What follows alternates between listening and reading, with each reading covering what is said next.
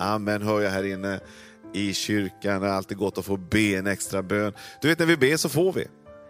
Det är det som är så underbart. Bibeln har gett oss en möjlighet att få ha kontakt med himmelen själv. Och bönen, det öppnar upp en väg. Bibeln säger att den som ber han får, den som söker han finner, för den som bultar skall dörren öppnas. Det är en otrolig möjlighet vi har. Vi är inne i en bön och fasteperiod just nu. Bara uppmuntra dig eh, att om man startar året på ett rätt sätt så är det mycket större möjlighet att hela året blir rätt. Därför så är det bra att börja året i bön. Eh, och därför att vi vill höra och vi vill få allt det goda från himlen som vi bara kan få. Jag vill inte liksom bli av med någonting, utan jag vill få allting som Gud har tänkt in i det här året. Så var gärna med i vår bön och fasteperiod här. Det betyder mycket, både för dig själv men också för din omgivning. Jag ska tala utifrån ett ord. Eh, det står om det i Jona. Jona är ju en bok som, eh, som jag har levt i eh, ett tag. Jag älskar den boken. Den, om du har gått i söndagsskola kanske du bara tänker på en fisk och en, hur någon blir sval av en fisk. Men, men det är så mycket mer än en fiskhistoria kan jag säga, Jona. Det finns så mycket mer. Jesus själv Jesus själv poängtera att som, som Jona var i, i fiskens buk i tre dagar så ska människosonen också vara i dödsriket, men komma tillbaka. Och det gjorde Jona också. Så Jesus själv understryker vikten med Jona. Att Jona det är en profetisk bok. Jona är en bok för vår tid och för alla tider. Så att eh, det är en bok som kan lära oss och hjälpa oss mycket. Och här står det någonting helt fantastiskt spännande i Jona 1, kapitel 1. Herrens ord kom till Jona, Amitais son. Han sa, bryt upp, bege dig till den stora staden Nineve och predika mot den. För deras ondska har kommit upp inför mitt ansikte. Men Jona bröt upp för att fly till Tarsis bort från Herrens ansikte. Och han kom ner till Jafo och fann där ett skepp som skulle gå till Tarsis. Han betalade för resan och gick sedan ombord för att resa med dem till Tarsis, bort från Herrens ansikte. Jag ska ta ett annat ord också i Romarbrevet i Nya Testamentet som säger så här. Men Gud ångrar inte sina gåvor och sin vadå? Kallelse. Den här texten är väldigt intressant för det handlar egentligen om hur Gud talar. Och vi älskar att höra Guds röst och vi lyssnar gärna in Guds tilltal. Och vi är väldigt glada över att få höra hur Gud talar till oss. Och Han talar väldigt mycket gott till oss, han lyfter oss, han styrker oss. Men Gud talar också ibland om ett uppdrag vi har. Att det finns en orsak varför vi finns, det finns ett syfte med varför vi existerar. Det finns en tanke med det. Gud har en tanke med vår tid här på jorden. Eh, dels att få njuta av Guds närvaro, Guds kärlek och Guds omsorg. Men det finns också ett uppdrag inbakat i allting. Och Jesus, gång på gång, och det är kanske det sista han säger innan han lyfts upp till himmelen, det är att han säger gå ut i hela världen och förkunna evangeliet. Det var ett uppdrag som han gav till oss. Oftast det sista någon säger eh, innan man lämnar och gör exit här från jorden, brukar vara ganska, av ganska stor dignitet. Och Jag brukar tänka att det sista Jesus säger, det är värt att lyssna på.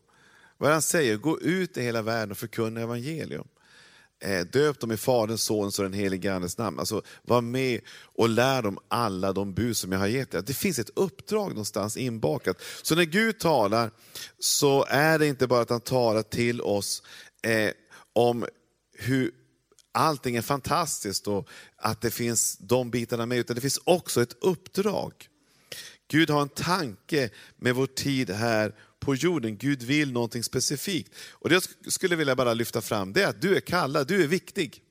Oavsett vad människor tycker och tänker om dig, eller du kanske uppfattar att folk tycker och tänker, oavsett vad du tänker om dig själv, oavsett vad, vad, vad du upplever att du är just nu, eh, och du kanske känner att du är inne i en kanske bra säsong eller dålig säsong, men du vet, Gud har en tanke med dig. Du är kallad, du är viktig, du betyder någonting. Varje dag har Gud en agenda med. Gud vill någonting specifikt med, med ditt liv. Bibeln säger så här, hans verk är vi skapade Kristus Jesus till goda gärningar som Gud har förberett för att vi ska vandra i dem. Så ditt liv är väldigt, väldigt viktigt. Varför då? Därför att Gud har förberett någonting. Gud har tänkt ut någonting, han har planerat någonting för dig. Där du är viktig, där du är en central gestalt i den händelsen. Gud vill någonting specifikt med dig. Du är i centrum av Guds tanke för en specifik händelse. Vad innebär det? Ja, helt enkelt att du är kallad. Det finns ett syfte med ditt liv, det finns en mening med ditt liv. Det är inte att vi lever våra dagar här och eh, det som händer, det händer. Utan Gud har en agenda. Gud har en plan för 2021. Gud har en plan med den här dagen. Gud har en plan med den vecka som ligger framför. Gud vill någonting. Och min bön är, och min längtan är, det är att vi ska få leva, inte på sidan om det, utan i centrum av det. Därför är det så bra att be, Herre ske din vilja, tala till mig. Och i det läget så talar Gud till en profet. Men det ord som kom, var inte så enkelt att ta emot i det här läget. Eh, och Jag tror ibland att Gud vill utmana oss. Att ibland kanske göra någonting nytt. Att ibland göra någonting som, som kanske inte är lika bekvämt som tidigare. Gud kan utmana oss ibland att ta ett steg in i en riktning som vi kanske inte har varit tidigare. Det intressanta med Jona här, man brukar tala om honom som den första evangelisten.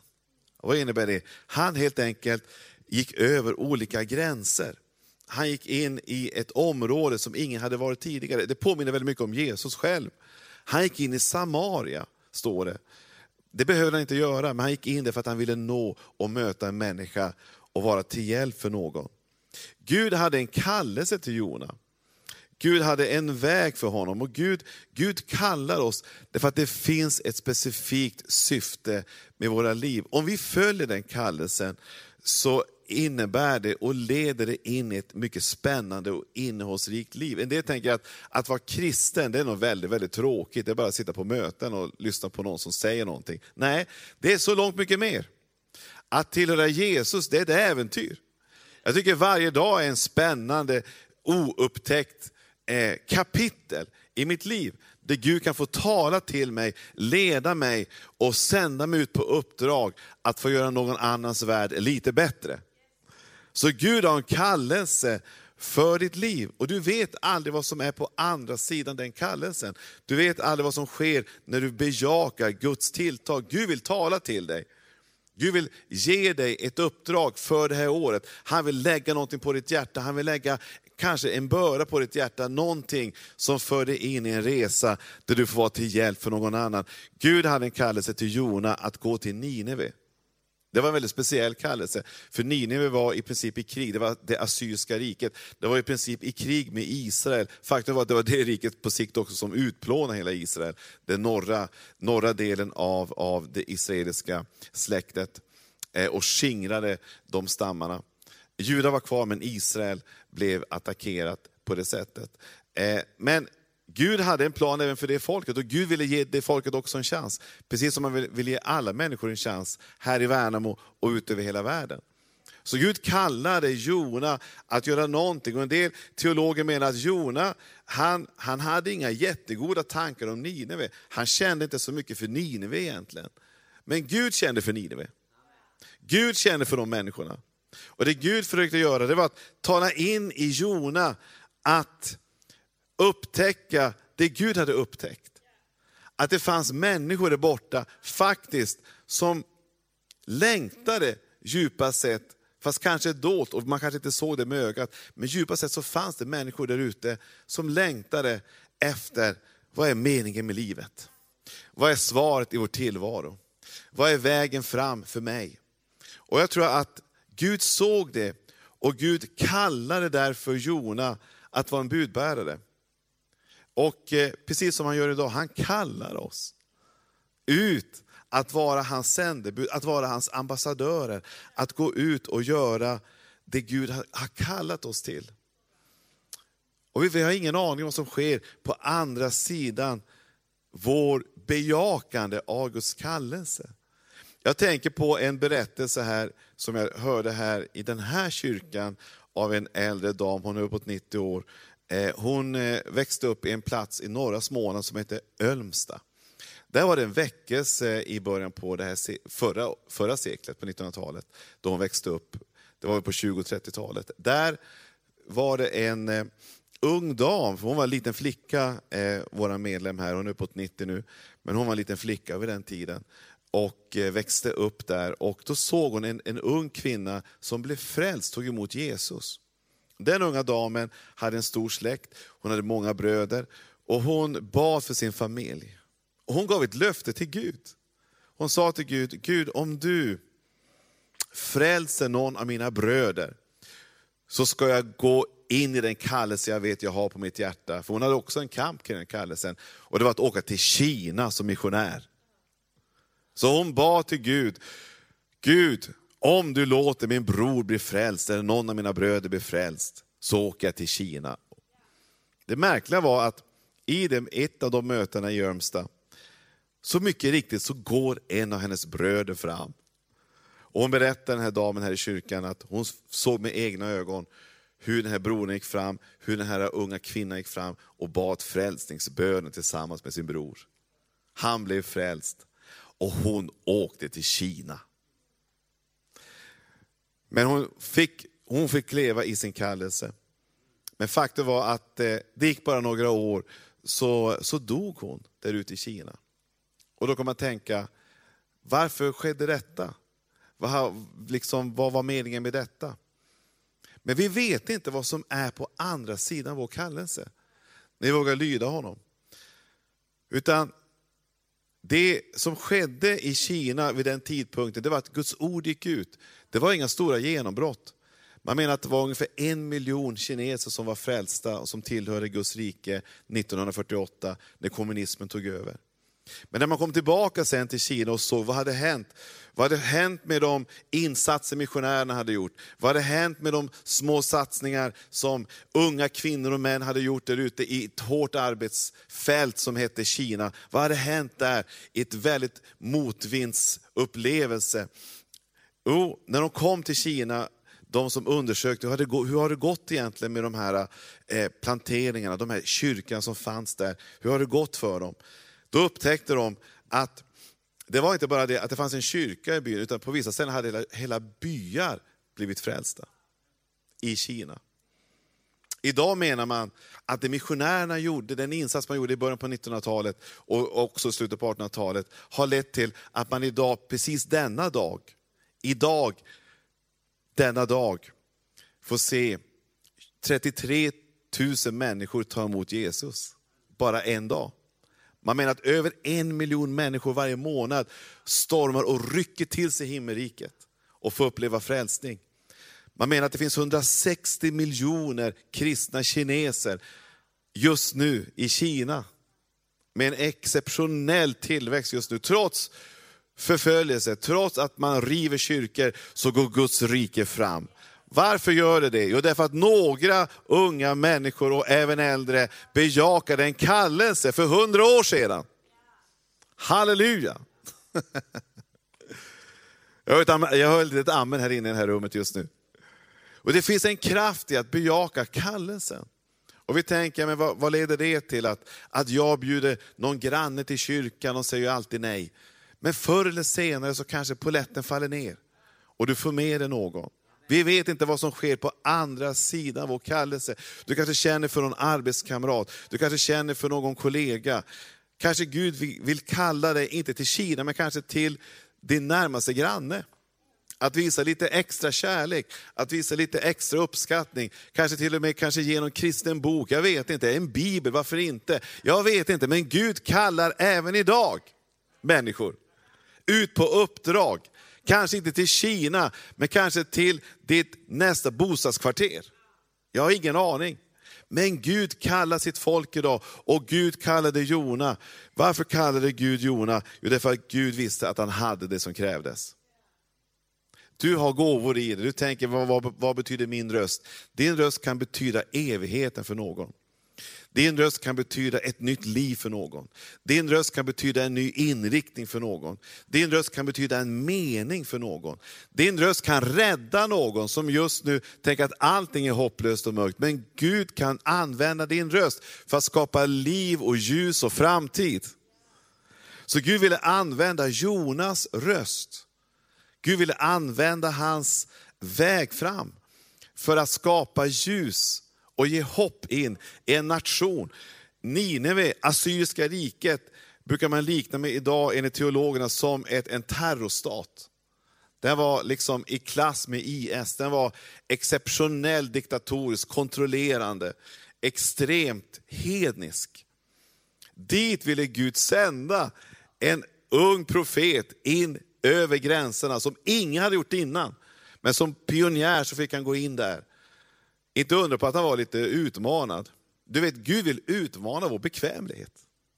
Vi tycker det är så skönt ibland med allt det här som vi har runt omkring oss och vi bygger vår lilla tillvaro. Men Gud vill ibland få oss ut ur bubblan och se någonting nytt ske. Han vill visa oss en väg som är visserligen ett äventyr, men på andra sidan det äventyret finns det tusentals, kanske miljoner människor som väntar på frihet. Halleluja! Gud vill ge dig en kallelse som leder dig in i en tid av genombrott. Så Gud har gett oss en möjlighet. Varför, ge, varför gav han kallelsen till Jona? Gud visste ju absolut att Jona skulle ha en brottningskamp och det kan vi ha ibland. Det är inget konstigt. Jag har varit med om många gånger då man har liksom känt en brottningskamp. Vi har varit ute och evangeliserat, jag och Camilla, så många gånger. Vi hade bullgerilla, vi har haft alla möjliga olika saker för att nå och möta människor på gatan. Vi har mött all, alla typer av kategorier av människor, vi har varit ute i bostadsområden och mött människor överallt. Och ibland har man tänkt att, att varför gör jag det här? Det blir en brottningskamp. Men gång på gång har Gud visat att när jag tar de här stegen och gör det som Gud lägger på mitt hjärta, så kommer kraften. Så kommer glädjen. Så kommer friheten. Varför då? Därför att du känner att du lever i centrum av Guds vilja. Det finns ingen lyckligare än att uppleva att nu lever jag i centrum av hans tanke, i centrum av hans vilja, i centrum av vad han har tänkt. Det mest olyckliga som man, man kan uppleva är att man känner att man kommer in i en skuggvärld och går sidan om. Där finns ingen uppfyllelse, där finns ingen större tillfredsställelse. Det är som jagan efter vind. Men när du lever i centrum av hans kallelse, då upplever du hur du känner dig tillfredsställd i djupet av ditt liv. Så Gud hade en kallelse. Och Bibeln säger så här, att, eh, att leva, hans verk är vi skapade i Kristus Jesus till goda gärningar som Gud har förberett för att vi ska vandra i dem. Gud vill hjälpa dig och leda dig in på hans vägar. Till sist, du har ett val. Jona, han, han flydde, men Gud gav inte upp på Jona. Och Gud ger inte upp på dig heller. Därför att Gud har gett oss en kallelse. Och som jag sa i början här, Gud ångrar inte sina gåvor och sin kallelse. Han kommer aldrig ångra det han har gett dig. Gud ångrar inte sina gåvor och det han har bestämt för dig. Det kommer att följa dig hela ditt liv. Gud kommer gång på gång på gång ge dig en möjlighet att kliva in i hans tankar, in i hans vägar, in i hans uppdrag. Eh, det kommer att finnas där tillgängligt hela tiden. Och direkt vi bejakar det och säger Gud, låt din vilja ske, så, så processar han dig in och kalibrerar dig in i hans möjligheter. Därför är det så bra att be dagligen, Herre, låt ditt rike komma, låt din vilja ske. I himmelen, så och här i Värnamo. Det är ingen dålig bön. För när vi ber på den, så tar Gud den på allvar. Det du säger egentligen är att Gud, tar hand om mitt liv, lever på dina uppdrag. Jag är villig att följa dig. När vi möter Jesus så är det så intressant att se honom det första han gör är att han börjar kalla på människor och det gör han än idag. Han sa till lärjungarna, kom och följ mig så ska jag göra er till människofiskare. Gud kallar idag. Jesu röst, den ljuder även just nu. Jag vill vända mig till dig som lyssnar just nu. Gud har ett uppdrag för dig. Det här året behöver inte vara ett år som bara handlar om att fylla på sin egen liksom, eh, erfarenhet av, av olika typer av upplevelser för sin egen skull, utan du kan få betyda någonting för någon annan. Du kan få vara med om att få hjälpa någon in att ta ett steg till närmare himmelriket. Du kan få vara med att få hjälpa någon att få upptäcka Gud lite mer. Du kan få på något sätt vara med om att få vara en ambassadör för Kristus och vara med om att få göra en skillnad för de människor som finns runt omkring dig. Gud kallar dig att vara människofiskare. Vad innebär det? Det innebär att hjälpa människor att koppla koppla och knyta eh, med den levande Jesus, den levande guden. Du har ett val.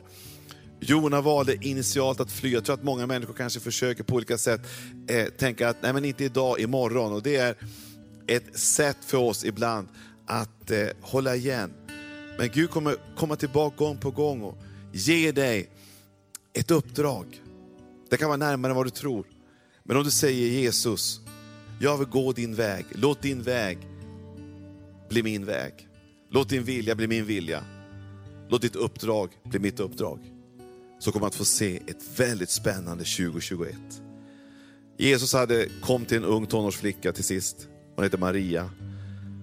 Och en ängel gav henne ett uppdrag att du ska få bli bärare av världens frälsare i ditt eget liv. Det är ett ganska stort uppdrag. Det är nog det största uppdrag man kan få uppleva som människa. Att bli havande med världens frälsare. Och frågar hur ska det här gå till? Och vi tänker ibland, hur i all ska det här gå till? Jag som är så blyg och jag som är så tillbakadragen. Hur ska det här kunna gå till? Och då säger ängeln, helig ande ska komma över dig. Och jag upplever just nu att den heliga ande ska komma över. Du tänker, hur ska det här gå till? Hur ska jag kunna på något sätt vara ett ljus i mörker? Hur ska jag kunna vara en röst ut i hopplöshet? Jo, Bibeln säger, helig ande ska komma över dig. Och i det läget så säger Maria, jag är Herrens tjänarinna. Låt det ske med mig som du har sagt. Och det är vad Gud uppmuntrar oss att våga säga i vårt hjärta. Gud, låt din vilja ske. Låt ditt rike komma. Här i himmelen och här på jorden. I Jesu namn.